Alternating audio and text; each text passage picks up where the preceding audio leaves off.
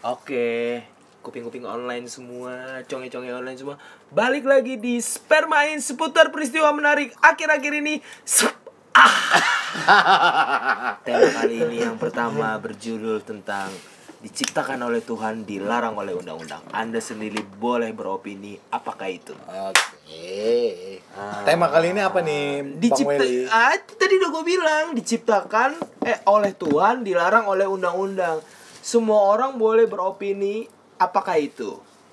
Kali ini kita sedang membuat podcast di Flover ID tepatnya di jalan Setiabudi komplek orang-orang kaya Iya. Penting yang, ini. yang kanan kiri gedung mulu eh anak komplek lah pastinya yang ke sini nggak nggak bisa anak gang lah kalau ke sini lah cuy ya Eh, tepatnya pada pukul subuh dini hari ditemani oleh segelas air yang menghangatkan tubuh yang membuat kita membanyak inspirasi tema kita pada hari ini adalah diciptakan oleh Tuhan dan dilarang oleh undang-undang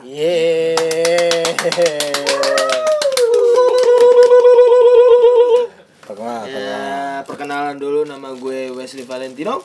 Oke, gua Bas. Nama gue Adit. Panggil gue Ence Ah, anjir. Gua Panca Asik. Gua Sahal. Iya. Ya, ada itu teman-teman gue semua. Ya, kali ini sebenarnya kita mau membahas hal-hal yang tabu ya. Tabu gak sih sebenarnya gak sih? Tabu gak sih kalau bisa dibilang? Bisa di Mendekati mendekati bisa Mendekati ya? sih tabu sih. bisa dibilang nggak tabu, Tabu tabu tabu. tabu, iya. Jadi bias ya, sedikit abu-abu monyet ya. Iya. Abu-abu monyet. Ijo muntah kucing. Iya, Cinta kucing. Ya, diciptakan oleh Tuhan dan dilarang oleh undang-undang. Semua boleh beropini apakah itu.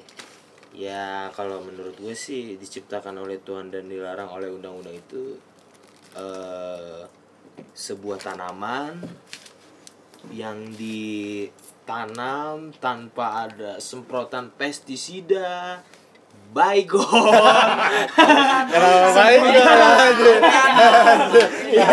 Iya gak sih? Pokoknya lu tanam aja jadi dah tuh ya. Itulah adalah salah satu tumbuhan yang membuat kita semakin damai, semakin ceria, semakin happy dan lain-lain. Gue mau nanya nih pendapat kalian apa sih? eh Eh tadi sperma sperma ini udah belum sih? Oh, spermain udah. Oh, udah. Seputar peristiwa menarik Sorry, sorry, sorry, sorry, sorry. Gue mau nanya nih ke masing-masing pendapat menurut lu diciptakan oleh Tuhan dan dilarang oleh undang-undang menurut lu apa nih? Ayo satu-satu. Menurut lu Eh, Bas? Enggak, enggak, enggak, enggak. Eh, kita kan ada narasumber nih. Oh iya, gue lagi di eh, di sini tepatnya berapa orang nih? Satu, dua, tiga, empat, lima, enam, enam orang nih cuy. Ada narasumber ya, biar kita banyak pemikiran aja ya nggak sih, banyak pemikiran. Iya, iya, iya, iya. Mungkin ada yang nggak setuju dan nggak setu- dan setuju, mungkin ada yang mendukung dan tidak mendukung. Ya kita bisa ngeliat perspektif dari masing-masing. Kalau menurut lu nih kalian semua diciptakan oleh Tuhan dan dilarang oleh undang-undang itu apa? Yuk satu-satu yuk. Oke, kalau menurut gue yang diciptakan oleh Tuhan dilarang undang-undang, salah satunya ya ganja kali ya. Kok tahu sih?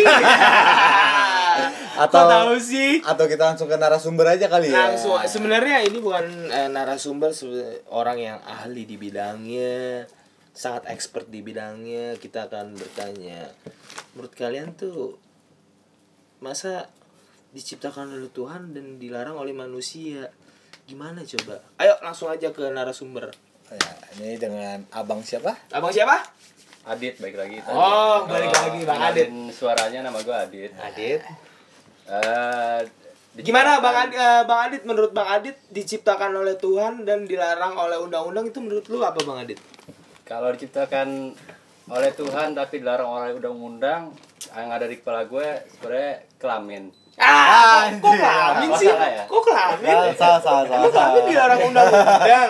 Ada bagian yang dilarang undang-undang. Oh, gitu. Ada. Oke. Cuman dalam konteks hari ini kayaknya bukan itu. Jadi ya kita sepakat lah bahwa di sini kita bahas soal tanaman. Yes. Nah, ya kalau soal uh, tanaman itu menurut gua uh, lebih banyak uh, fungsinya ya maksudnya kalau di Indonesia sendiri itu jadi hal yang tabu karena banyak disalahgunakan dan belum ada pengetahuan lebih dari orang-orang yang uh, menggunakan karena eh, secara saintifik. Nggak kena, gue mau Oke. nanya nih bang eh, sebelumnya, kenapa di Indonesia tuh menjadi satu hal yang tabu? Maksudnya kan banyak tuh di luar negeri kayak, maksudnya, i, eh ya udahlah kita fair fairan, kayak ganja bisa buat ini, ini, ini, ini, ini dan ini bisa buat pengobatan, tekstil, bahan-bahan sepatu dan lain-lain.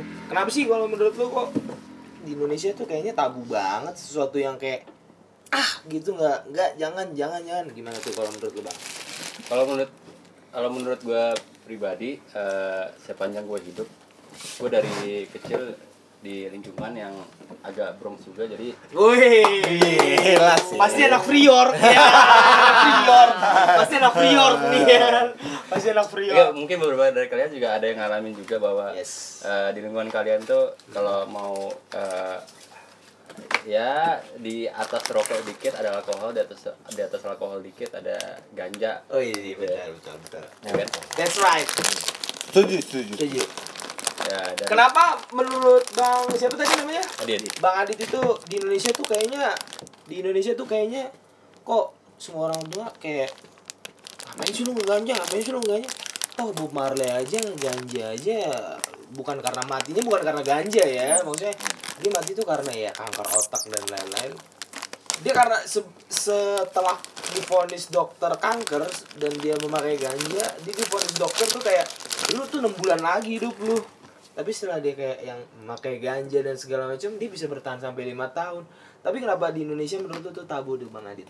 Lanjut. Oke, secara singkat aja biar eh, gua bisa minum setelah ini. minum air putih ya cuy. Cuy di sini minum air putih ultra iya, milk iya, ya. iya, iya, iya, jangan iya. negatif lu pada Ayo, lanjut. Ya singkatnya eh, itu jadi komoditas yang eh, apa ya eh, bisa sangat membahayakan buat industri-industri lain sih kalau menurut gue ya. Ya singkat gitu bisa kita kembangkan dari sini. Menurut gue gitu. Hmm. Eh, maksudnya banyak ketika ganja itu bisa diproduksi dengan tekstil dan segala macam dia berlawanan dengan industri-industri lain gitu kayak misalnya nih obat dia pasti berhubungan dengan ya kalau kita Farmasi. bicara farmasi di Indonesia kan pasti ada Kalbe, Kimia Farma ya nggak sih Mercy. kalau maksudnya kalau ada Kalbe dan Kimia Farma kan maksudnya dengan adanya ganja kan pasti mereka sedikit goyang dong industrinya kalau menurut lu gimana tuh bang?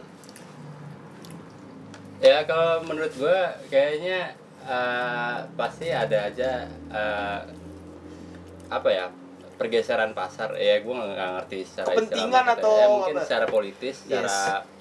eh, ekonomi di eh, market itu Yes. cuman ya menurut gue baik ke pribadi gue sendiri yang yang yang sebagai orang yang nggak secara saintifik menguasai itu cuman sebagai pelaku dan ya user dan ya User juga yes.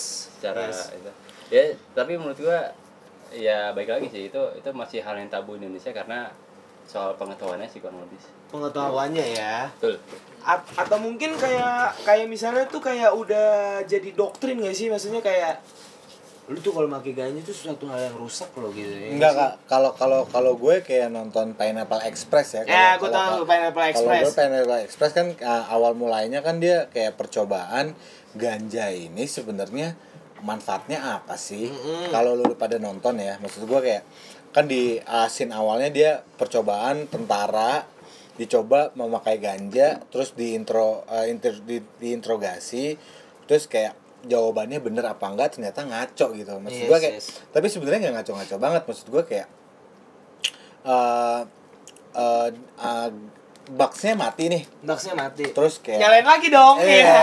boxnya mati nih aduh jatuh anjing Apanya tuh yang jatuh? Iya. Mic-nya apa? Iya.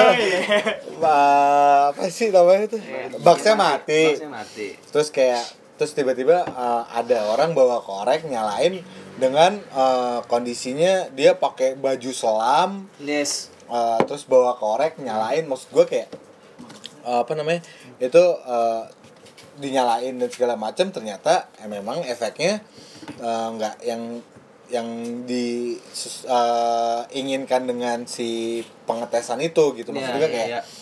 da, dia dinyalain terus kayak cekicis cekicis cekicis kayak gitu kayak kayak kayak kayak, gitu kan kayak maksud gue kayak Cigeduk gitu ya gue nggak tahu sih tadi gue pengen ngomong apa lanjut gue nggak tahu agak-agak skip temen gue dikit ya jadi me- menurut tadi bang siapa tadi bang, ada sesuatu yang tabu mungkin karena terlalu banyak doktrin di Indonesia karena ganja itu sesuatu masa- Stigma sih, stigma. stigma. ya stigma ya tabu nggak sih jadi kayak Is tabu Ya, lah bisa, yang sih lah. ya kita, semua orang tua kita kayak kayak maksudnya yang kayak lu ganja cuy Hmm. gitu kayak langsung kayak langsung sedih kecewa gitu ya sih Hmm. maksudnya ini tanaman cuy Hmm. yang lu masa mengkriminalkan tanaman sih Ya kan tanaman masih- itu yang Ah. diciptakan loh maksudnya yang diciptakan yang ditumbuh dari tanah. Tanah kan juga pemberian dari Tuhan ya. Otomatis kan dia diciptakan oleh Tuhan ya manusia tinggal ya ibaratnya kayak nanem dan segala macam dan tumbuh subur aja. Menurut kalian semua nih gue tanya nih satu-satu ya. Eh bisa nggak sih Indonesia eh, seperti negara-negara lain? Kayak misalnya Thailand atau Malaysia yang akan eh, yang akan melegalkan ganja dalam bentuk eh, dalam dalam farmasi dan lain-lain. Menurut lu gimana nih Eh, dari narasumber gue nih juragan kopi nih cuy Aduh. Wang gimana ya? nih menurut lu eh posisi kita sekarang di kita podcast di mana nih Kita podcast di Flower ID cuy. Flower ID adalah sebuah toko kopi yang menjual kopi. Ya iyalah toko kopi masih jual mainan anjing. Asal Gimana jual, sih? jangan jual eksi aja. Asal jangan jual eksi ya. Ntar nggak bisa ngomong lu. Kunci mulut lu anjing. Kunci di mulut. Gue nggak bisa jawab. menurut menurut juragan kopi nih gimana nih di Indonesia nih? Sih- ganja di Indonesia tuh eh, mungkin kan ada satu pergerakan namanya lingkar ganja Nusantara ya. Mungkin someday itu bisa menjadi BUMN Indonesia atau mungkin someday itu menjadi bahan eksportir Indonesia yang atau enggak gini deh maksud gue kayak apa sih posit eh, lebihnya ganja daripada kayak farmasi atau yes mungkin ganja bisa diapakan mm, lebih dari tekstil atau dari apa mungkin gitu Oke, kita kita tanya pendapat masing-masing ya. Oke nih, kalau kalau dari dari siapa nih? Dari Wang dulu nih, kayak gimana nih? Menurut lo eh, ganja itu bisa lebih dari sekedar rekreasi atau kayak gimana nih? Lanjut. menurut gue ya dari soal si ganja sendiri Yes.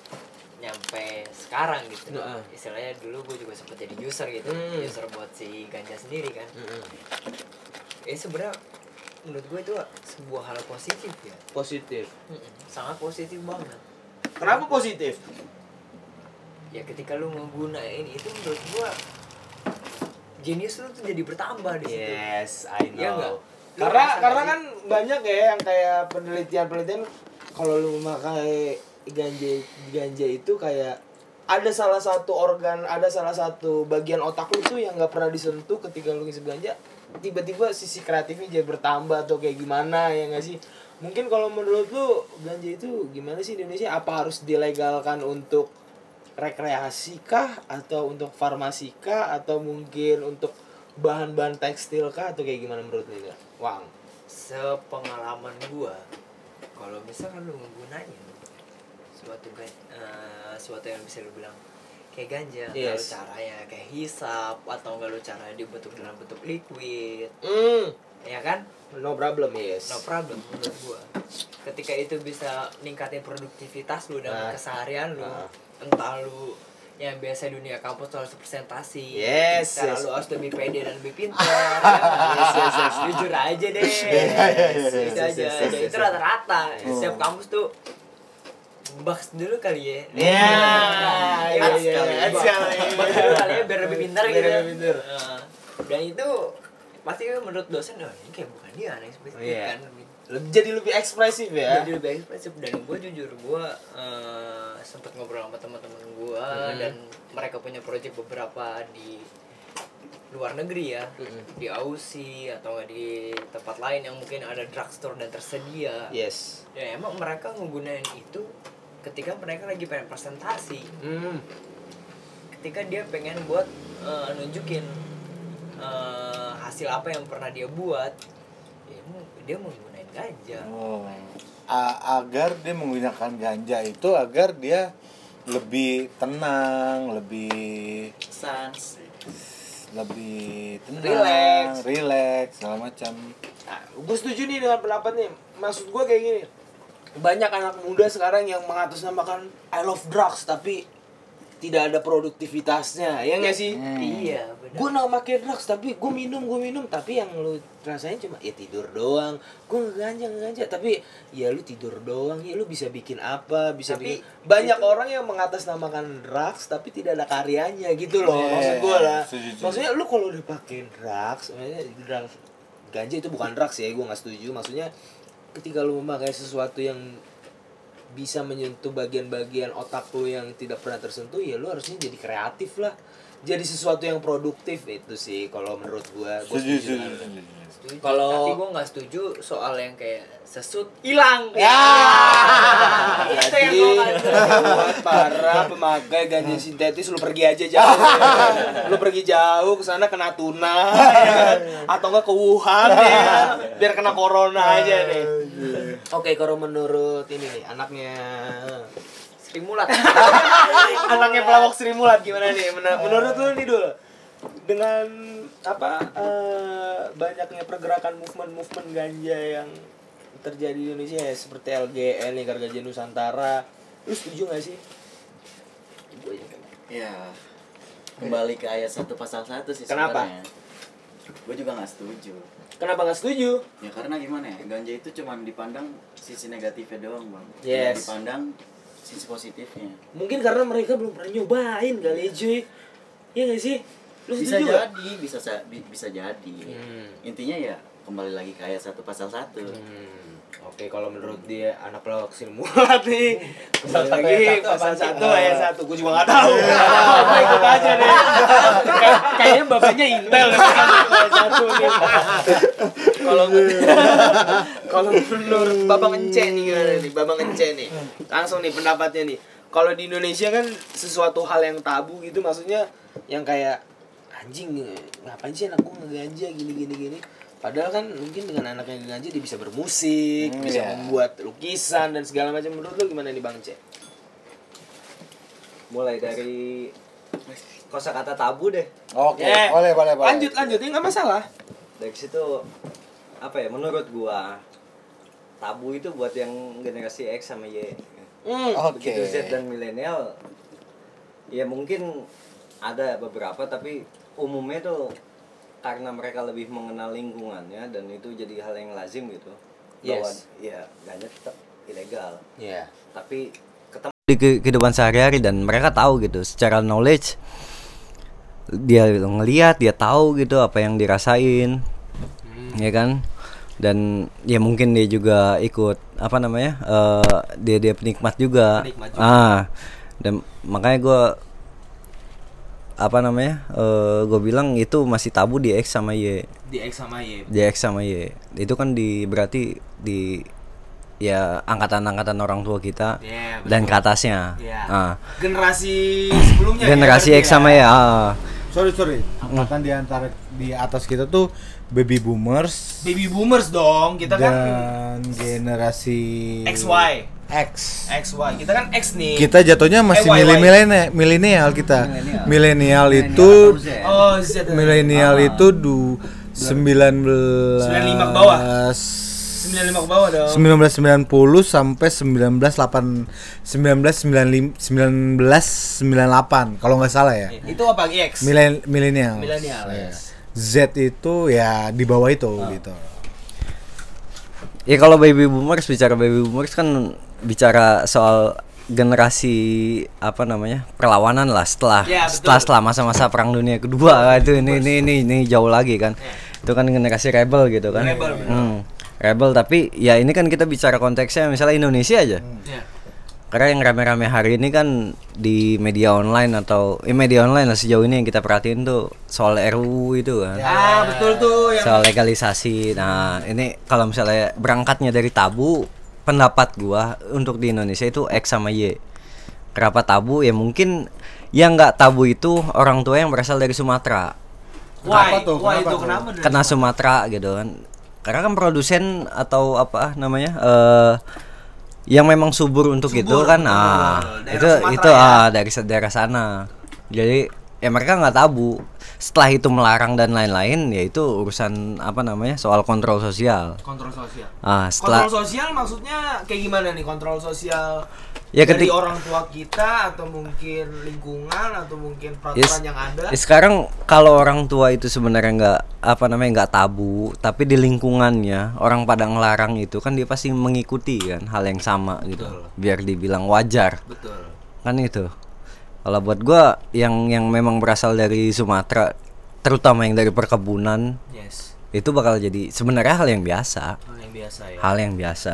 Kalau misalnya kita berangkatnya dari tabu sama nggak tabu gitu kan. tabu ya betul. Ah. tabu sama nggak tabu. Setuju Tapi gua. maksud gua kayak gua gua pernah denger kayak ganja Indonesia tuh kayak nomor satu tapi medical ya. Untuk medical. Maksud gua kayak setuju nggak sih kayak eh bener gak sih kayak ganja yang di Aceh itu emang medical nomor satu di dunia gitu. Maksud gua kayak eh dari ganjanya terus dari seratnya bisa dijadiin baju. Maksud gua kayak itu mun- mungkin kayak bisa jadi nggak sih kayak konspirasi uh, farmasi untuk kayak dia nggak mau kalah gitu dari kayak uh, fashion uh, dari serat ganja itu Yes. bisa lebih kuat dari dari bahan-bahan yang lain lah bahan-bahan ya. yang lain cotton segala macem kayak gitu-gitu. Maksud gue kayak gimana tuh? Ya lanjut bang cek. Kalau dari sisi itu, nah ini udah udah, udah masuk nyen- nyen- apa namanya sentuh sisi ekonomi nih kan, Oke. sisi, sisi keekonomian nih, ya kan? menarik nih. Jadi buat lu Sri Mulyani tolong dengerin podcast ini anjing. Tolong ya dengerin podcast ini. Lau jangan kaku-kaku banget, Bor. Lu coba dikit lah. Jangan kebi jangan kebanyakan ngitung duit, ngutang sama negara lain. Kita tuh punya bahan, cuy. Yang bisa meningkatkan pendapatan kita, cuy. Gimana Bang Cel lanjut? Kalau soal manfaat dia ya, ini balik lagi lah. Setiap yang diciptakan itu nggak mungkin nggak dari- ada bermanfaat. dari basic deh Iya, seratnya terus manfaatnya ganja segala macam gitu gimana? Nah kalau dari manfaatnya kan udah udah nih nih nih ya? nih dari sisi yang paling ekonomis gue pernah dapet apa namanya gue pernah lihat temen gue dapet apa namanya tas itu dari oleh-oleh dari Israel itu bahannya dari ganja. Hem hem hem. dari serat. Dari serat itu dan eh gue make juga beberapa bulan gue oke lah gue kasih beban itu banyak dan daya tahannya jauh lebih daripada bahan-bahan kain yang lain yang, yang tekstil pada umumnya. Itu satu itu satu. itu satu. Dan itu mesti dilanjutkan lah sama anak-anak tekstil lah. Gue nggak ngerti itu. Selanjutnya di sisi medis gue nggak gitu banyak paham di situ. Selanjutnya kalau misalnya di sisi apa ya, kalau rame-rame yang di media online itu kan soal ekspor dan lain-lain kan. Nah, ini yang baru ah berkembang nih. ya sebenarnya kan sederhana. Yang kita paling tahu aja negara yang sudah melegalkan gitu ya? Yes. US itu kan negara bagian apa udah banyak negara bagian yang melegalkan itu kan? Kalau mereka kan undang-undangnya yang penting negara bagian membolehkan setelah itu ya lanjut. Kanada banyak negara bagian. Artinya mereka ini kan bukan produsen. Ya, memang. Mereka bisa apa namanya itu yang nanem nanem di rumah itu. Oke, oke, Secara oke. sintetik ya secara sintetik dan lain-lain kan. Metode tanam hari ini udah canggih-canggih. Tapi untuk produksi massal kan mm, masih jauh lah. Masih jauh lah nggak akan mencukupi. Itu kan jadi pasarnya kita kan. Dan hari ini boleh dicek perdagangan kita ke US dan Kanada. Hmm? untuk ganja ya enggak perdagangan kita secara umum Indonesia oke oke oke perdagangan kita nah, itu defisit Hmm. dengan yang nggak tahu isu yang ada hari ini untuk ekspor buat nolongin defisit itu untuk ngepres atau bahkan sampai surplus itu sangat memungkinkan. Eh tinggal Ketika, ketika ganja itu maksudnya dijadikan bahan komoditas. ya ketika itu jadi komoditas dan ya nggak tahu kan sekarang setiap komoditas itu punya standar yang menentukan harga pantasnya kan, harga wajar ya kan. Nah, sekarang dari ahli ekonomi nah nih. ya sekarang kan Jangan temennya Pak Peter Abdullah. ya Menteri Korekonomi Indonesia. Peter Ya kan siapa yang pantas apa namanya eh, yang yang bisa menentukan harga pasar kalau bukan leader pasarnya. Yang yang punya pangsa pasar paling besar. Hari ini kan semua masih bilang ilegal, kalau memang Indonesia mengusulkan itu dan serius, berarti kan jadi penentu harga. Ah, Kalau Setuju, setuju. kalau jadi penentu harga dan memang kebutuhannya untuk itu, kenapa enggak? kenapa enggak ya? Eh, yang selamat Republik, 250 juta manusia selamat. Selamat. Ya kan gitu. Iya sih benar. Eh. Jangan dilihat dari sisi kayak rekreasinya, rekreasinya ya. Ya kalau sisi rekreasi dan lain-lain dan lain-lain itu ya, itu kan gimana apa namanya? Ya coba kita lihat dari yang Belanda gitu kan. Mereka membolehkan gitu. Sedikit gue tahu dengan kadar tertentu. Yes. Ada yang namanya drugstore. Hmm. Ah, Artinya di kan dilokalisir. Ya. Ah, Ya silahkan aja. Red zone bukan tuh? Red ya. zone. Apa Red Doors? Apa Red Doors? Atau Oyo. Atau Airi? Mamikos. Ya kan kenapa enggak gitu kan? Kenapa enggak? Artinya kalau pertimbangan secara ekonomis dan itu national interest kenapa enggak? Iya benar. Ah, soal rekreasi dan lain-lain ya ya bahas secara khusus kalau memang udah dilokalisir pengawasannya juga kan jadi kontrolnya kan jadi jadi Lebih baik. iya jadi efisien lah jadi efisien lah nggak nggak sembarang di jalan-jalan nggak sembarang di gang kecil gitu kan mesti semua i silakan aja Nggak beli segaris doko sendiri. nah Tapi gini nih, oke dari sisi ekonomisnya begitu, tapi dari sisi edukasi terhadap masyarakatnya gimana dulu nih? Kita mau ngelegalin, tapi kan otomatis kita harus edukasi dulu dong. Kalau ganja ini just for farmasi, just for medical, ya nggak sih? kalau menurut gue maksud gue kayak eh, manusia Indonesia SDM itu belum siap sih untuk nggak tahu ya gue bener apa salah. Maksud gue kayak eh, contohnya kayak kita Jakarta deh ini ya kecilnya. Maksud gue kayak ini udah ada MRT gitu kan. Yes. maksud gue kayak eh, bisa nggak nih terjaga selama beberapa tahun ke depan nggak ada vandalisme? Contohnya kayak coret-coretan kayak XTM apa Iya, gitu gitu maksud gue kayak betul, betul. eh, udah siap belum sih ma- ma- manusia Indonesia Jakartanya untuk eh, eh, eh, eh, eh, eh, aduh lagi. Ah, lebih lebih. Nih ikut Waalaikumsalam selebgram. harus begitu. Lu jangan kayak anak LSPR ya. Lu jangan kayak anak LSPR ya. Demo bawa selebgram. Ya lebih tepatnya gini deh, gue kasih pertanyaan deh satu-satu.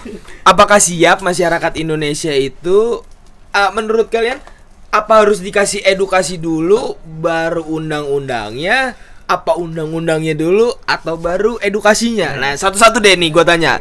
Gimana nih menurut lu Ang? Kalau menurut gua, sebelum ada undang-undang, itu harus edukasi dulu cuy. iya. Lu buat peraturan kalau lu nggak ada pondasi, betul. ya buat apa juga? Pasti berontak juga Berontak cuy di juga ya kan? Menurut gua, Menurut lu buat begitu sekarang ya? di Indonesia buat lu mau legalisir ganja atau enggak lu bisa eh, ngegunain ganja secara eh, terbatas gitu ya. terbatas ya betul Berarti kan harus ada edukasi dulu, mereka punya pengetahuan Yes. cara pemakaian ganja tuh kayak gimana. yes Nah, itu. berarti kalau menurut lu Ang lebih kepada edukasi dulu ya pasti. jadi setelah diedukasi masyarakat tahu Hah? dan masyarakat oh ini just for medicine gitu ya Iya, kan? setelah edukasi. mungkin kalau re- rekreasi itu bonus aja ya nggak sih Kalau menurut gua kalau emang pengen mulai legalisasi legalisasi ganja, mungkin jangan di eh, rekreasinya mungkin ya, di medisi di medikalnya dulu mungkin kayak kayak mu- mungkin eh, soalnya eh, pengalaman dari gue dan keluarga maksud gua kayak opung eh, kakek gue Kakek, kakek. gue itu eh, dia eh, glukoma glukoma glukoma Oh. kakek gue dan ah, karena emang dia orang dulu maksud gue kayak masih tabu untuk kayak glukoma pen- peng- pengobatannya dengan mungkin salah satunya dengan ganja mungkin ya Itu salah Da- satunya bisa ah, dan dia memilih untuk kayak dia lebih memilih untuk ke obat gitu ke farmasi, Hmm. Farmasi. gitu ah, maksud gue kayak eh, aduh gue skip lagi ya lebih lebih kepada apa? Kan tadi menurut lu lebih kepada farmasi nih eh lebih lebih ke glukoma. Maksudnya karena emang Indonesianya itu belum menyediakan untuk medical for ganja atau mungkin ketika orang-orang dulu masa iya sih ganja bisa ngobatin gua? Oh, gitu gua nggak ada. sih? Gua ada kalau soal kayak gitu. Boleh, boleh. Lebih tepatnya itu pertama itu lebih kayak ke edukasi. Setelah edukasi, cara eh, biar manjur nih edukasi ke manusia masyarakat Indonesia khususnya Jakarta. Gimana nih men- menurut lo caranya? sebenarnya nggak harus Jakarta sih lebih tepatnya ke Indonesia sih. Kalau kalau kita berbicara dengan gan- Soalnya berbicara kan konteks kayak ke- kalau ngomongin ganja katanya kan Indonesia tuh ganja untuk medical kan nomor satu di dunia katanya. Gue juga but tahu. But tapi belum ada riset yang mumpuni untuk karena, karena pemerintah eh, mengurang apa kayak nggak Membatasi. jor-joran membatasi untuk Riset. eh, riset untuk itu gitu maksud gue Nah, kayak. menurut gua mendingan dari awal itu mendingan edukasi. Hmm. Setelah ada edukasi, itu ada rekreasi. ah betul. Setelah ada rekreasi, rekreasi nggak dapat juga itu ada depresi. nah. Setelah ada depresi, Anxiety. itu ada. Ada nggak sih? jadi jadi jadi intinya podcast kita lu ada yang punya nggak sih? Jani udah butuh ini Jani. Jani udah butuh.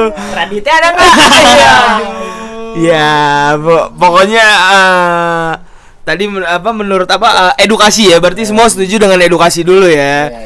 Gini setelah edukasi nih. Oke setelah edukasi. Mayoritas pada setuju kan dengan edukasi. Setelah ada edukasi gimana menurut kalian semua tuh peraturan tuh yang cocok? Apa harus lokalisasi kah apa harus pembatasan kah gimana tuh menurut kalian? Gimana menurut lu bang Eki? Eh, ini bang siapa namanya bang Adit Adit. lupa mulu Gua bolot bang bolot ya. lanjut Eh, kalau menurut gua jadi kalau dalam kasus ini ini kan ini kan komoditas yang sebenarnya eh, kalau nggak dibuka kerannya secara bebas itu akan rawan untuk dimo- dimonopolisir. Ketika rawan untuk dimonopolisir artinya ada pemain tunggal di sini. ya, ya. Dalam hal ini misalnya eh, kasarnya ada penunggangnya ya ya, Ya. bisa disebut gitu lah. monopoli Ya monopoli. Cuman eh dalam kita ini kan bicara soal eh, eh, ba- barang yang digolongkan oleh BNN sebagai eh, narkotika Iya. dan Golongan satu. ya golongan satu. Dalam dalam eh, beberapa kategori itu ada ada juga yang sebenarnya secara eh, eh, regulasi di di ha- diharamkan ya gua dalam dalam Tanda kutip, kutip. dalam dalam tanda kutip diharamkan cuman secara medis pun diperbolehkan contohnya obat penenang Untuk epilepsi. ya obat penenang itu berbahan dasar ya kita tahu lah mungkin kebanyakan opium yes opium sebagai eh, eh, obat penenang dan obat anti trauma dalam wah, sering digunakan lah da- dalam eh, setelah perang atau dalam keadaan kritis lah. Ya, ya, ya, ya, ya, ya. Opium pun sempat eh, jadi kontroversi ketika eh, eh, di masa eh, ini ya Arab ya? Eh, enggak maksudnya Afghanistan bukan? Afgan iya di, di Afgan Asia Tenggara, Asia Tenggara ya lebih di, banyak lah, ya ya. di di Asia Tengah dan itu tuh eh, jadi jadi polemik juga lah. Nah eh, poin gua adalah maksudnya eh, di se- kenapa opium itu bisa di eh, izinkan untuk beredar sebagai eh, alternatif medis sementara ga- eh, ganja itu enggak ya kan artinya kalau balik lagi ke eh, eh, premis gue di awal soal itu Ya. monopoli dan lain berarti artinya kalau misalnya dalam kuali- eh, kuantitas banyak apa pun itu yang dilarang sebenarnya sudah ada yang memainkan di situ Hmm. berarti ada yang memainkan ini dalam dalam eh, eh, opini tadi opium dan golongannya turunannya ob, ya obat lah kita kita sebutnya boti dan lain-lain ya. Farmasi, farmasi. itu sudah ada yang menjaga supaya jangan sampai ada saingannya kasar gitu. Oke pemain tunggal bener kasar gitu. Monopolistik ya. ya kasar gitu. Kalau dalam bidang medis. Eh, dan eh, kalau eh, kesiapan kita atau enggak potensi ya ya kesiapan Indonesia eh, kalau keran aturan ini dibuka buat ekspor itu sebenarnya potensinya banyak banget nggak nggak sekedar di eh, rekreasional atau medis doang gitu ya eh kalau misalnya kan kita harus ngomongin stakeholder juga misalnya maksud gue stakeholder adalah eh, si bandar. Kalau Ya. untuk saat ini ya, karena di kaos ilegal kan. Ya lanjut lanjut. Eh, bandar itu secara langsung kalau secara hukum ya mungkin eh, ilegal ya cuman kan secara langsung mereka eh, mengas- me- menghidupi keluarganya mereka. Iya, iya, iya. Dengan caranya mereka gitu ya. ya dengan cara mereka gue setuju. Eh, ketika itu di soal siapa deh? Soal misalnya eh, ketika itu regulasi itu dibuka artinya mereka si bandar-bandar tadi itu eh, mungkin nggak punya kesempatan buat aktivitas lagi. Ya aktivitas tadi. Dan punya eh, penghasilan untuk menghidupi keluarga mereka. Yes. itu kalau misalnya eh, kesiapan kita. Kalau misalnya soal potensi gue sarankan orang-orang tadi kembali lagi ke topik yang tadi dibahas sa- sama si Sahal. Edukasi itu penting betul.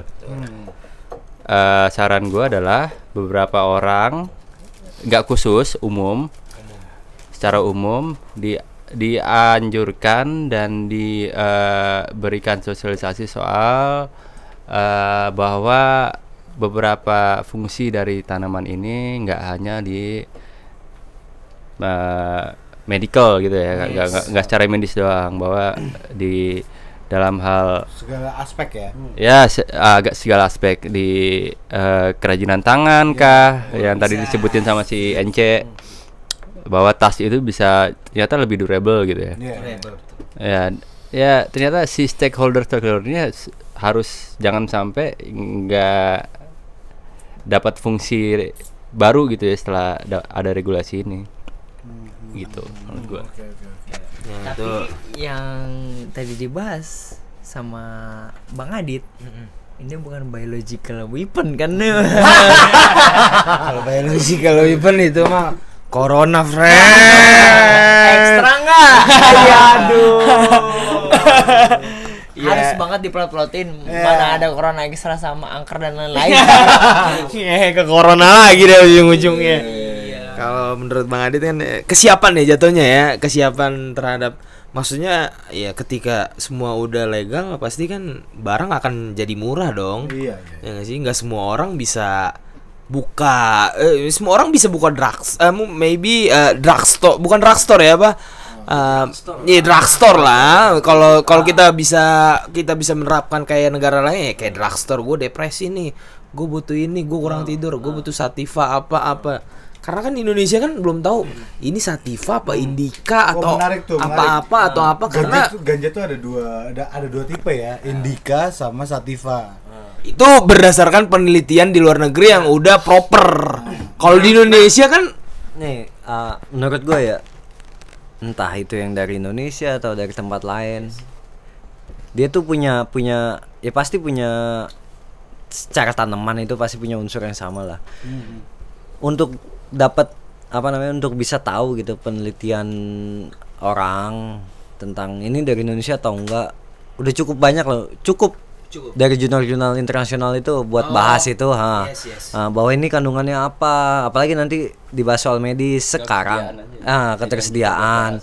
untuk untuk penelitian itu udah udah sangat cukup lah sebenarnya internasional itu ngebahas bahwa itu asal dari Indonesia atau bukan itu soal lain. Yes. tinggal mau jujur apa enggak kalau Indonesia masih legal mungkin banyak penelitian yang menutupi asalnya dari Indonesia itu masih ya, oke lah. Tapi kan kita bisa tahu kan tanaman itu apa. Yes. Dan kita bisa belajar dari yang lain kan. Yang kedua soal medis.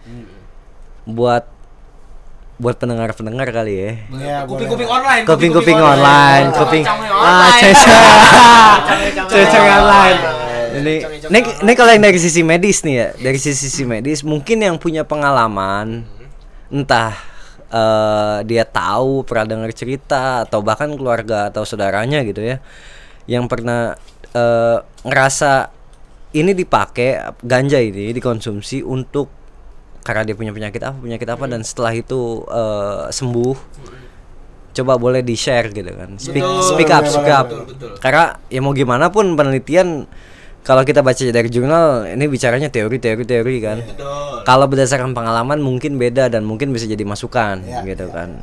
Karena kalau gue balik lagi soal keekonomisan nih defisit itu bisa kebayar habis itu sama sama sama sama barang ini. Soal ini nanti dijual dari drugstore atau apa Ekspor. namanya? Iya kalau dibahas soal medis kan ada otoritasnya kan yang untuk membatasi itu kan. Terlalu bebas nggak bagus setuju. Ya, Setuju. Setuju. setuju. Setuju nggak ada yang membatasi itu setuju ya. Iya, iya, iya. Setuju semua. Bagaimana cara membatasi dan cara kerjanya ya lo, itu urusan yang punya otoritas. Ya, Silahkan aja regulasinya, regulasi yang penting fair. Yang penting fair kan. Toh akhirnya kalau itu dilegalisasi artinya negara sedikit punya tangan untuk menjadi kartel. Ya. Nah, Mau fair atau enggak? Ya kan, mau Iya. fair atau enggak kan untuk ngatur itu, meregulasi itu kan. Kalau enggak daripada jadi kartel-kartel enggak karuan kan. Kartel yang ngatur negara mending negara yang jadi kartel. betul. Setuju. Pajak masuk semua dan segala macam. Iya, hal medis itu tetap bisa diatur kan. bisa diatur. Devisa gimana, Bang? Tersinggung gua lu ngomong kartel sih. Karena kartel itu karyawan teler. Kalau Karena tersinggung sih pas dia ngomong kartel, um anjing kan gua karyawan teler. lebih tepatnya ya. Iya, tapi kalau ngomong-ngomong soal kartel, ya gue punya narasumber ada nggak? kalau emang ada, kasihin dong. intinya dari pembahasan kita ya itu deh. Lu lu pada ada nggak sih cuy? BU nih. ya kalau menurut Bang Ence ya, pokoknya dari semua kesiapan sih jatuhnya ya nggak sih? Iya, iya. Kesiapan, Sistem, sistem. Kalau kalau soal SDM ya udahlah udah kebukti tahun 45 itu per- perdebatan kita itu pendidikan atau merdeka dulu. Betul. Artinya merdeka kan soal undang-undang Iya, kan. iya, iya, iya. Kasih undang-undangnya biar kita yang ngatur sendiri. Yes. Nggak usah diatur sama orang. Udah gitu aja. Hmm. Mau bagaimana jadinya itu proses ada di kita. Itu proses Eh, ada di kita. sederhana itulah. Menurut lu semua gimana guys? Gimana guys? Tapi usah bahas-bahas guys, anjing loh. Yang which is di mana literally. At least. Much better lah dibanding sebelumnya. Mati aja kalau dialang-alang. tapi eh eh, kalau menurut gua Yes. baik lagi tuh eh da, gua kan belajar hubungan internasional ya dan gue sempat mempelajari soal de- dependence eh, satu teori tentang kebergantungan Wanjer, menarik sekali. Bergantungan nih Ya. dari background HI nih cuy. HI nih cuy, HI nih, HI, hubungan internasional nih. Keringetan nggak kalau nggak gantungan?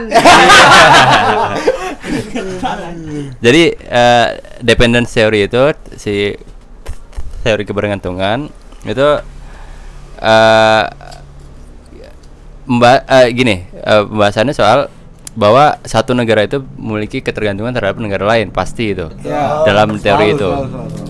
Jadi kebutuhan apa yang tidak dimiliki oleh satu negara itu akan dipenuhi oleh negara lain. Makanya si negara lain tersebut memiliki ketergantungan dan sebaliknya si negara yang membutuhkan eh, eh, memiliki Tergantungan juga. ketergantungan Ya. terhadap si yang tadi Pendonor kita sebut. Nah, eh gua tadi sempat membayangkan bahwa dalam beberapa kasus Indonesia memiliki kasus eh di beberapa kali berita tuh gue sempat nonton polsek ini atau polda atau polres ini ya daerah tempat itu eh eh, me- melindas eh, botol miras dan membakar satu berapa kilo eh, berapa, Berapa ton hektar. ya nggak be- berapa ton eh, ganja gitu bayangin men berapa ton Berapa ton betul sih. Oke, bayangin berapa ton. Dan kalau kita bisa eh, manfaatkan sebagai itu itu sebagai komoditas, bukan itu sebagai barang eh, dagangan Ya.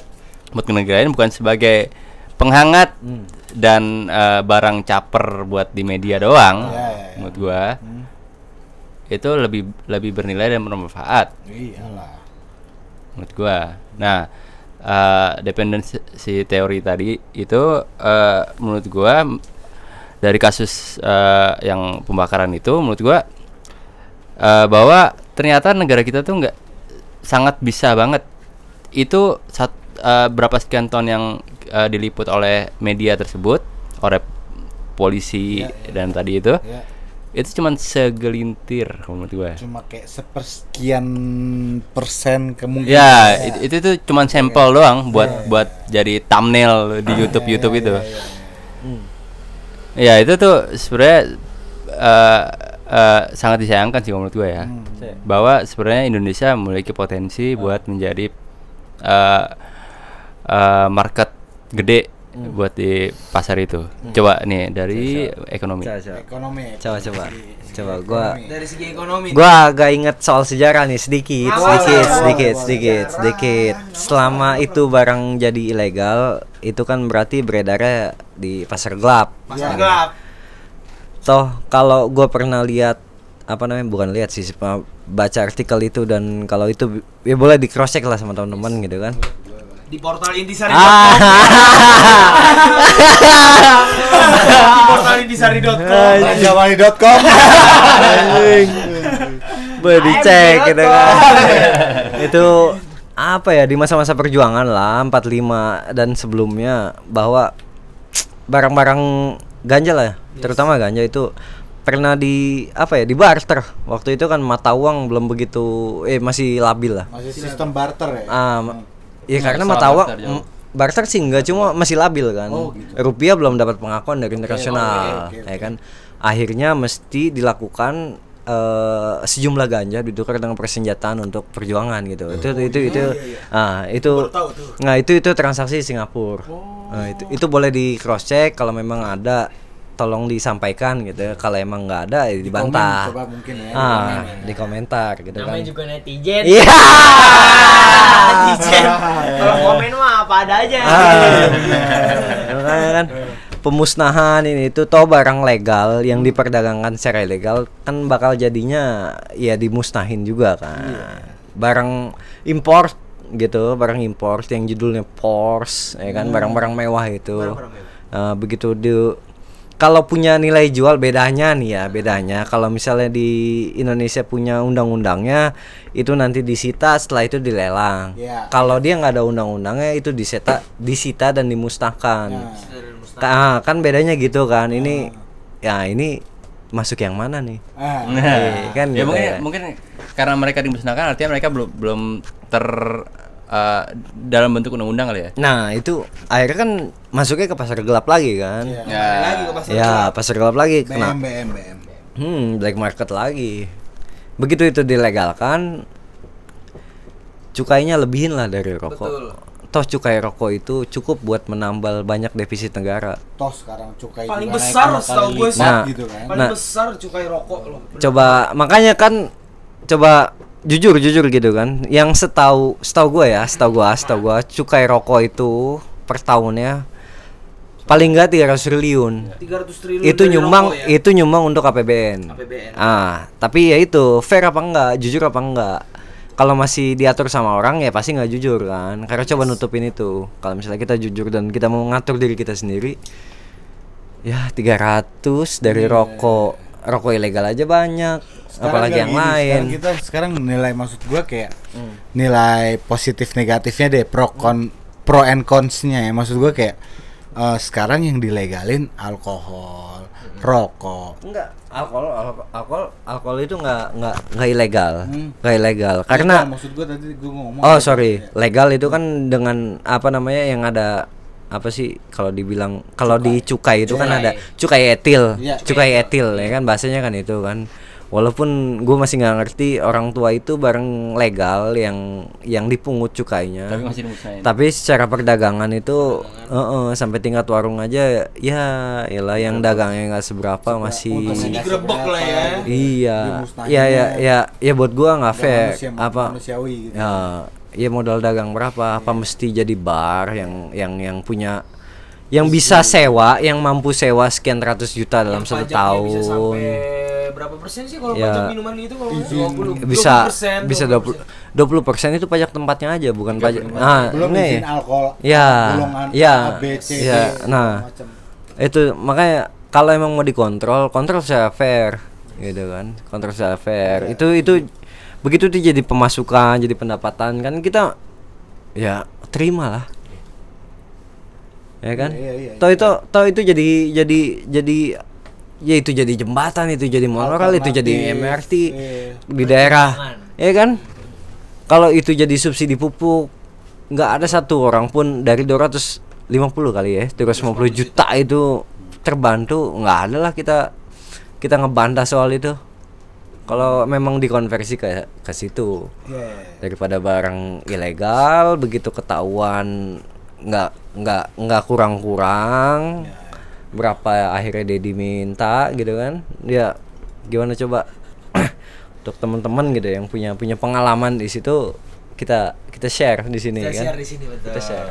Ya, kalau gue maksud gue kayak hmm, sekarang gini deh maksud gue kayak eh, efek negatifnya ganja apa sih? Maksud gue kayak orang ngeganja nih. Maksud gue kayak Ada kriminalnya nggak sih orang ngeganja? kriminalnya di mana sih? Maksud gue kayak eh, dia ngeganja nih. Gak mungkin dia nodong kayak weh Ada. duit. Atau ngebegal kayak weh motor lo ke sini. Motor di sini. orang orang ada. Ada. Ada. Sumpah lo, orang habis nge- ngeganja tapi kriminal. M- Ada. mungkin orang Di kampus gue namanya Wesley. Itu bukan kriminal namanya nyari bahan. Kurang cuy. Kurang terus. Kalau- kalau buat gua kriminal di situ itu satu. Begitu apa namanya orang dewasa menggunakan itu di depan anak kecil dan itu cukup untuk dijadikan pasal pidana. Oh iya. Buat gua itu. Iya, iya, artinya iya. kan Setuju, setuju, sisi setuju. edukasi kita belum selesai tapi udah dipaksakan. Setuju setuju. Nah di situ gue setuju oke? Hmm. gua rasa semua setuju lah. Gak maksud gua kan ka- ada orang bahas kayak eh, kenapa alkohol dilegalin, ganja diilegalin. Maksud gua kayak sekarang eh, lihat deh maksud gua kayak orang eh, minum minuman keras gitu. Maksud gua kan sekarang minum minuman keras di bar segala macam tuh kan legal segala macam. Eh, efeknya apa sih kalau minuman keras tuh kan lu jadi kayak eh, under control eh, di alkohol yang itu maksudnya kalau orang ngeganja kayak ngeganja nih. for fun lah. Ganja nih set se, sepuff gitu set fuh gitu kayak dia ketawa-ketawa nggak ada yang kayak eh duit gitu kan. Paling, paling dia kayak eh lu ada duit ya sih? Gitu gak sih? Maksud gue kayak maksud gue kayak kenapa harus eh, ganja diilegalin? Kenapa nggak yang alkohol yang diilegal ilegalin gitu? Maksud gue kayak kalau kalau itu gue udah pendapat sendiri sih Mhm. sebenarnya kalau misalnya soal alko- alkohol atau ganja alkohol atau ganja ganja belum selesai lah di pembahasan Mhm. soal legal atau enggak itu masih pro kontra lah Debatable ya. Debatable debatable tapi kalau soal al- alkohol kalau mau fair Iya. balik lagi ini soal fair atau enggak gitu kan seberapa banyak produk lokal artinya kalau kita balik ke keluarga tradisional kita yang Iya. berdasarkan dari suku anak ini itu kan gue orang Yang- Bali gue orang Bali. Nah, seberapa banyak itu semua pasti punya yang namanya minuman tradisional. Ya, Dan seberapa banyak minuman tradisional itu udah dilegalin. ya. Nggak mungkin apa namanya status legalnya itu kan dapat dari apa namanya bukan pemerintahan pasti dapat dari pemerintahan kan? Air arak balik jadi punya kualitas ekspor ya, kan? Artinya dia dipungut cukainya. Ada yang namanya cap tikus sekarang walaupun tetap galak buat gue ya. Iya cuy. digini ada nggak? Tapi Ya, tapi cuy. uh, ukuran gua begitu dia di- dijual di airport ya kan? Dia udah jadi barang legal kan? dan dia udah dipungut cukainya. Kenapa nggak nggak ya se Indonesia dari ujung barat ke ujung timur pasti ada itu. Tanjung Barat ah enggak anjing itu pasti ada khas-khas ya kan? Local wisdomnya itu pasti ada. local wisdomnya pasti ada dan itu diangkat. Kenapa? Karena takut Belanda yang sudah begitu nguasain apa namanya bisnis bir di Indonesia gitu kan?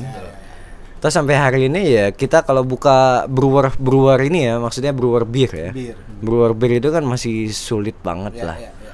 sulit banget. Sementara yang masih walaupun judulnya bintang Hmm, tapi holdingnya kan masih dan Jora. masih Amsterdam. Gitu. masih Amsterdam. Holdingnya masih Am- Amsterdam? Tetap Amsterdam. Judulnya aja bintang. Dia kan masih iya sama Heineken dan lain-lain gitu Kalau kan. dilihat di bursa saham sih eh, bir bintang tuh ngaco bro. Maksud gua kayak dia di range 16.000 per per lembarnya gitu maksud gua kayak. ya. dia dia termasuk eh, apa ya saham termahal di, Iya, di Indonesia. Dan dan dia stabil di 16 stabil sangat stabil. Lembar. Eh kan nggak jauh soal penjualan kan? lembar apa papan.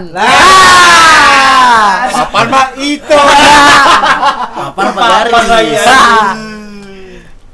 soal penjualan ya kan ujungnya finalnya kan di soal penjualan kan? Di soal konsumsinya seberapa banyak. Berani fair apa enggak gitu kan? Kalau misalnya brewer lokal lebih mudah di soal perizinan ah gue nggak ya nggak nggak ragu lah soal kreativitas orang Indonesia. Iya lah. nggak nggak ragu gue sedikit pun gue nggak ragu soal kreativitas. banget. Banyak kok Ah. SDM manusia yang SDM Indonesia tuh yang udah uh, internasional tuh banyak banget. Karena kenapa dia ke internasional? Karena mungkin di Indonesia dia nggak dihargain mungkin. nah gitu. Kalau gua uh, mikirnya ke situ sih gitu Jadi kalau menurut gue tolonglah polisi kalau mau bakar ganja bertonton kasih tahu di mana bakarnya biar gua nongs di situ aja ya nggak sih. Jadi kita akan membakar ganja satu ton di Polda Metro Jaya. Oke kita akan nongkrong di situ. gue nongkrong aja sekira situ, Wih, enak cuy. Yoi. lu ngechat gua apa enggak Ya sendiri sendiri lah kalau kayak gitu mah. Gue nongkrong aja sekitaran situ kan habis itu ya gratis lah cuy. Oke kalau nih menurut pendapat pendapat kalian. Konklusi kali udah udah masuk konklusi kali udah mulai sejam soalnya. Kayak udah udah mulai sejam? Anjir oke udah mulai ke sejam. Kalau konklusi konklusinya untuk Indonesia apa untuk eh maksudnya untuk peraturannya kah atau untuk movementnya kah? Ya seluas itulah. Oke, kalau dari gua nih ya, Iya, kalau menurut gua nih karena gua kan dulu gua pernah ikut ini loh apa yang sebelum namanya Lingkar Ganja Nusantara kan namanya legalisasi ganja nasional kan. MR Apa? MR bukan MR apa tuh? Majelis Rasulullah Apa jadi dibawa? Jadi bobo MR ya anjing. ini perlu dikat kan ya Lanjut terus. Dia flashback. Iya. Karena kan gue pernah di sana ya, mereka ada tim hukum, kuasa hukum, literatur-literatur dari buku-buku hikayat pohon ganja dan segala macam. Dan menurut gua movementnya sih bagus. Dari LGN sendiri kan untuk membuat eh, eh, ganja itu kan mau dibuat BUMN sendiri ya. Maksudnya BUMN tuh dalam arti kata ya mungkin someday LGN tuh bisa jadi BUMN eksportir ganja atau usaha milik Nyimeng. Boleh tuh dipakai kata-katanya tuh anjing ya kalau menurut gue movementnya sih ya emang movement tuh nggak setahun dua tahun. Mungkin 20 tahun 30 tahun lagi di generasi kita. Maksud, mak- maksud gue tuh di generasi sekarang tuh masih baby boomer ya yang masih menguasai ya. Ya. orang tua kita itu orang tua kita lah yang Nggak, masih sebenarnya kita uh, di nanti di uh, tahun ke depan itu kita sebenarnya bonus good demografi. Maksud ya gua kita kayak- kan kita kan bakal memimpin kan di di 100 tahun Indonesia 2000 berapa? 45 ya? Kalau nggak salah. 2040-an kan generasi kita tuh yang pada Bonus naik. mungkin dengan eh tanpa underestimate generasi-generasi sebelum mungkin kan generasi kita kan udah terlalu banyak informasi nih gampang informasi. Gue tinggal nyari di internet. Mereka yang harus kalau yang dulu harus cari ke perpustakaan gini segala macam dan sekarang tuh informasi di internet ya kok kayaknya informasi yang di, yang beredar sekarang berbeda sama yang doktrin-doktrin di Indonesia ya mungkin someday eh, di generasi kita yang akan jadi presiden yang visi misinya akan melegalkan ganja gua akan pilih dia itu aja ya mak- maksud gua bukan memilih dia dalam arti kata gua mendukung dia maksud gua ya lu jangan kaku-kaku lah cuy jangan Ya sekarang gini aja gitu deh. ya. Sekarang sekarang gini aja deh. Kemarin berita kemarin yang ngajuin eh, ganja itu cocok untuk dieksportir tuh politisi PKS cuy. Lu serius tahu lu? politisi PKS di Senayan DPR, gua nggak tahu komisi berapa ya. Dan dia bilang tuh eh, gua nggak tahu statementnya apa ya. Setahu gua gua baca ya statement dari politisi PKS itu ya lu tahu kan PKS sendiri gimana gimana ya radikalnya atau mungkin musik aja haram, catur aja haram ya nggak sih? Keadilan cinta bukan? Maksud keadilan cinta.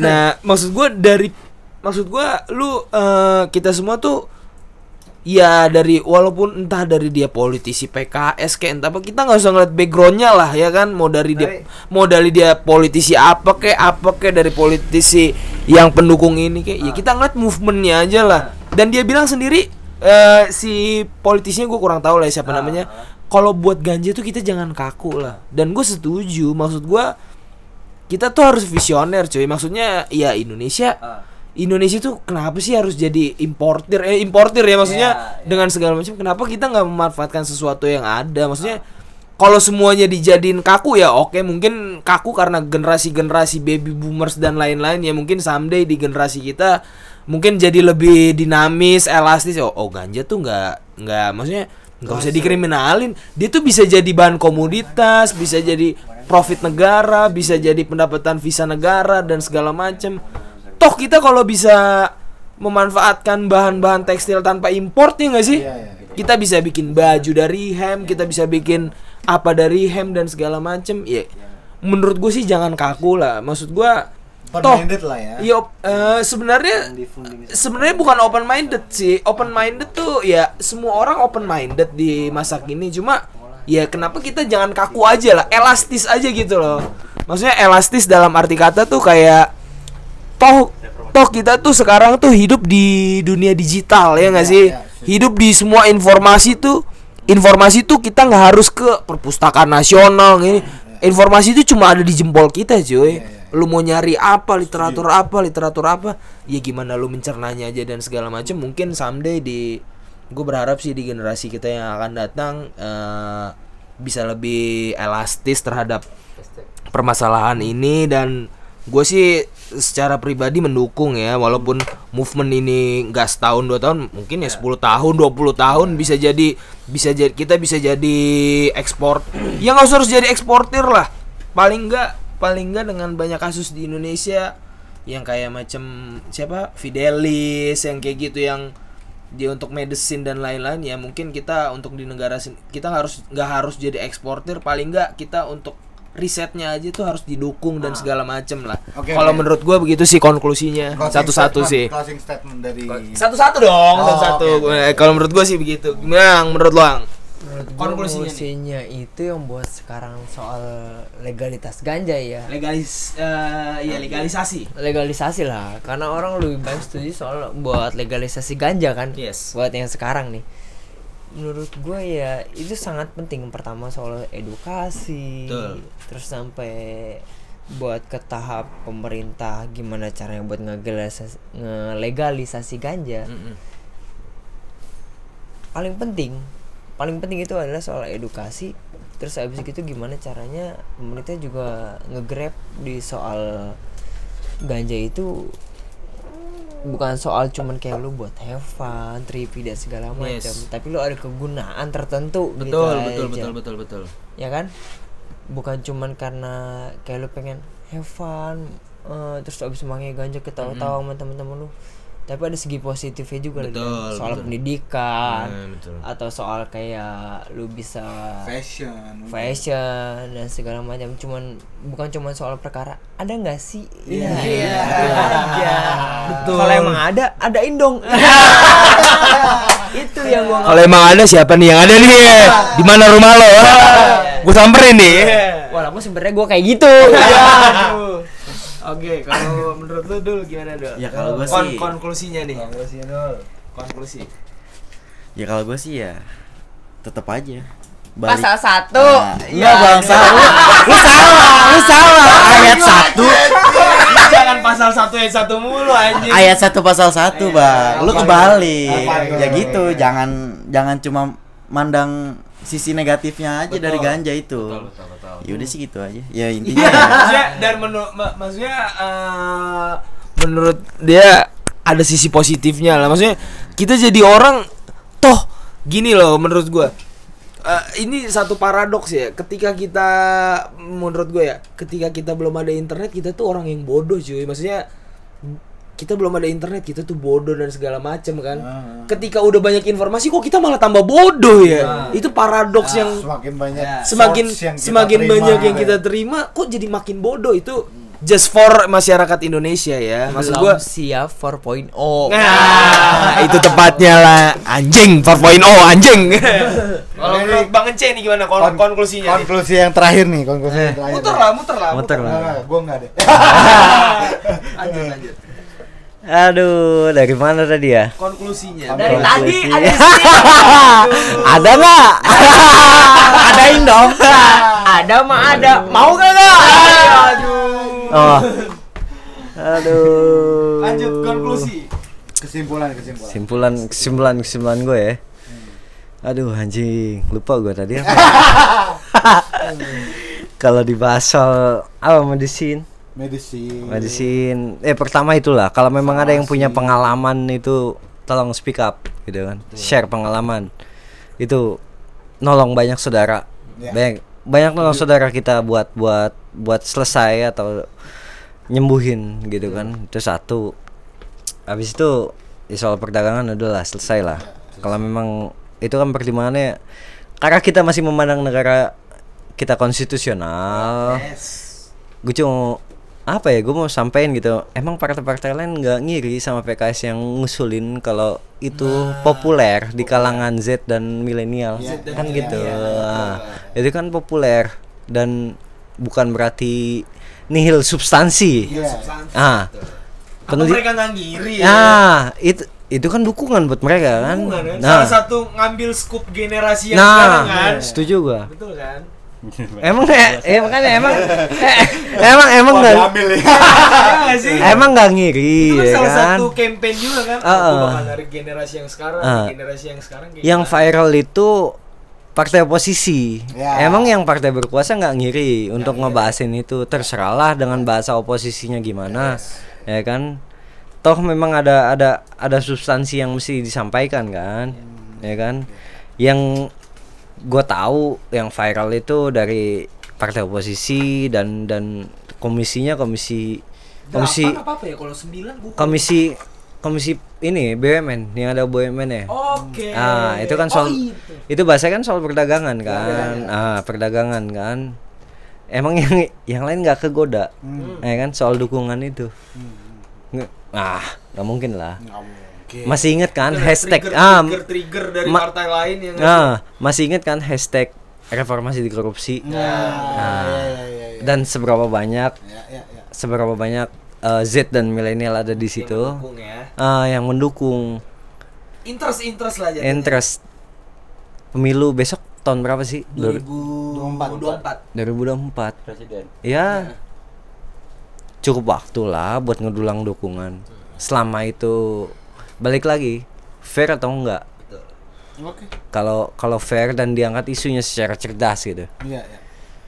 Oke oke lah tahun anggaran masih jauh ya kan? Tahun depan buat neliti soal ganja dan lain-lain gitu kan. Penelitian internasional kan udah banyak yang jalan dan mungkin ya cukup nggak cukup.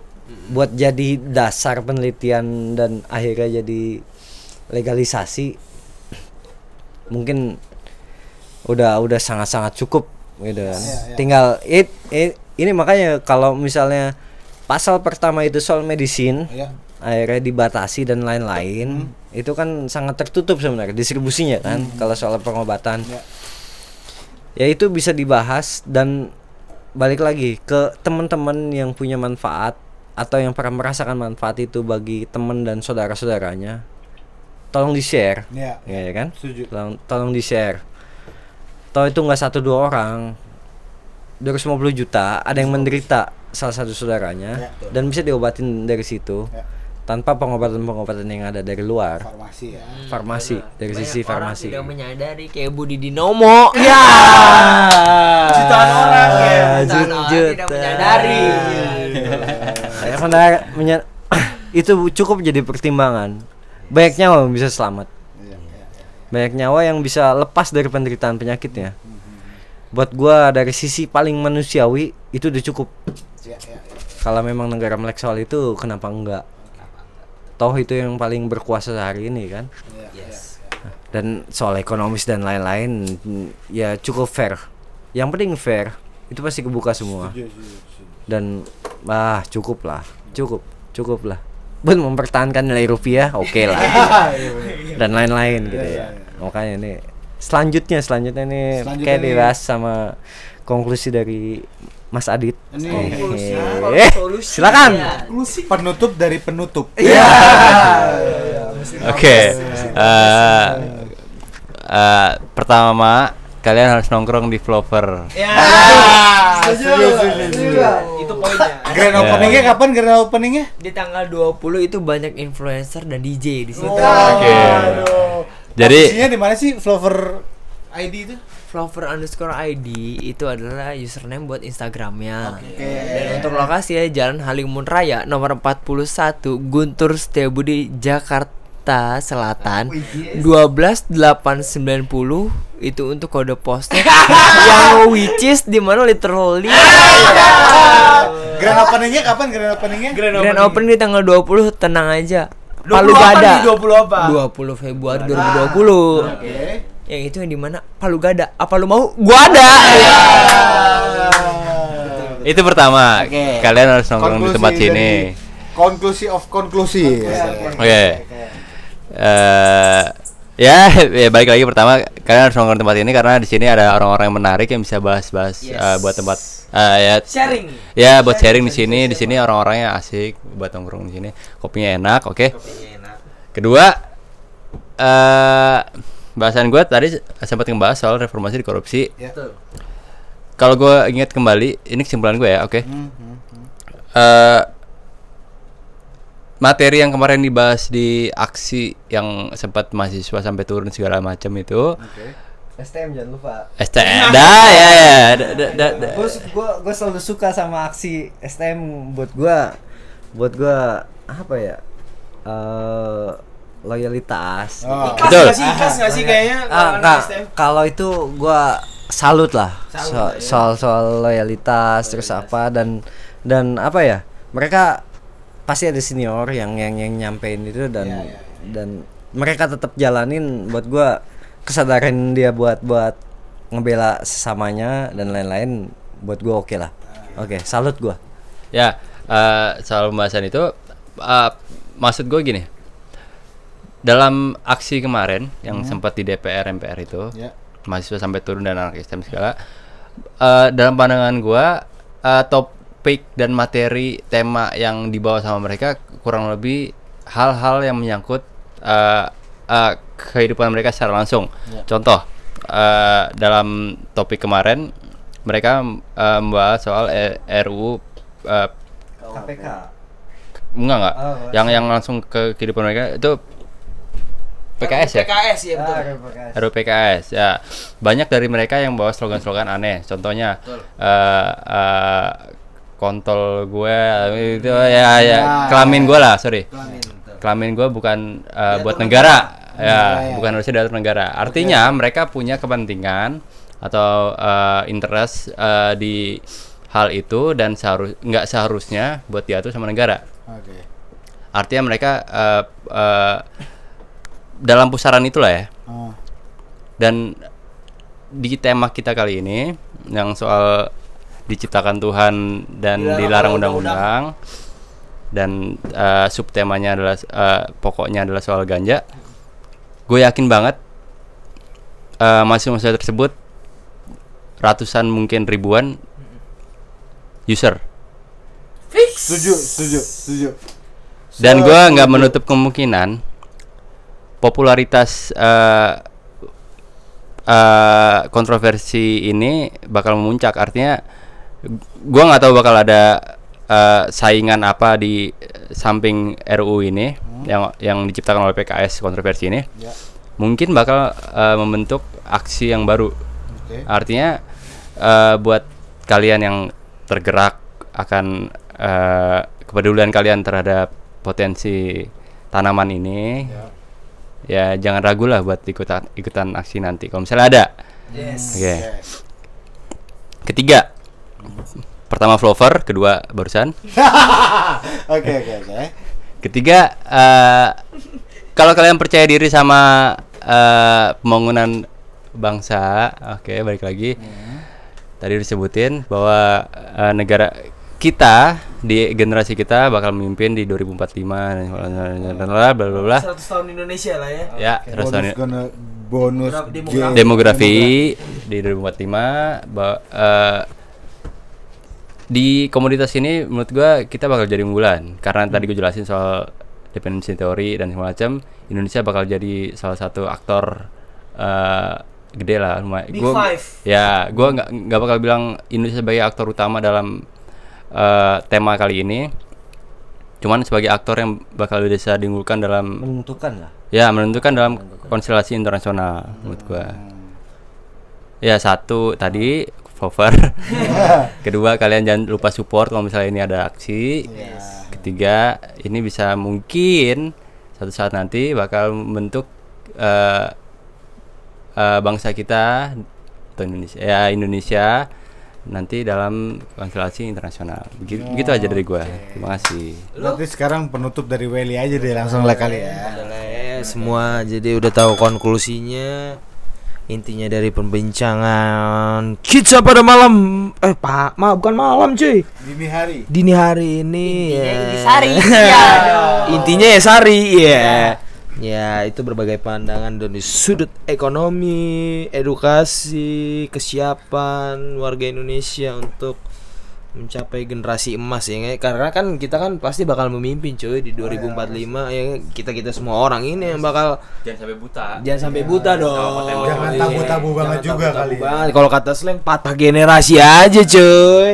Ya nggak sih? Ya sekian dari podcast kita dini hari ini. Tetap stay tune di spermain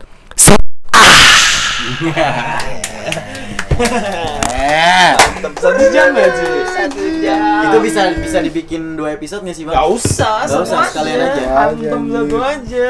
Share, share dong. Kalau misalnya mau dua episode, mendingan lu gua pukul.